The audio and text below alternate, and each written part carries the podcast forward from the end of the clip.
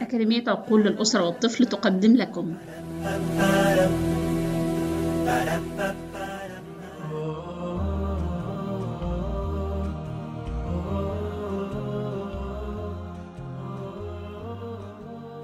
النصيحة السابعة. أن تتعلم باستمرار وتقرأ وتتابع في مجال التربية والتعامل مع الأبناء وبخاصة المواضيع أو المشاكل التي تهم طفلها. وأن تأخذ رأي الخبراء والمختصين إذا تطلب الأمر وتتخذ الخطوات اللازمة لحل آه، مشاكل طفلها آه، وتساعده على التطور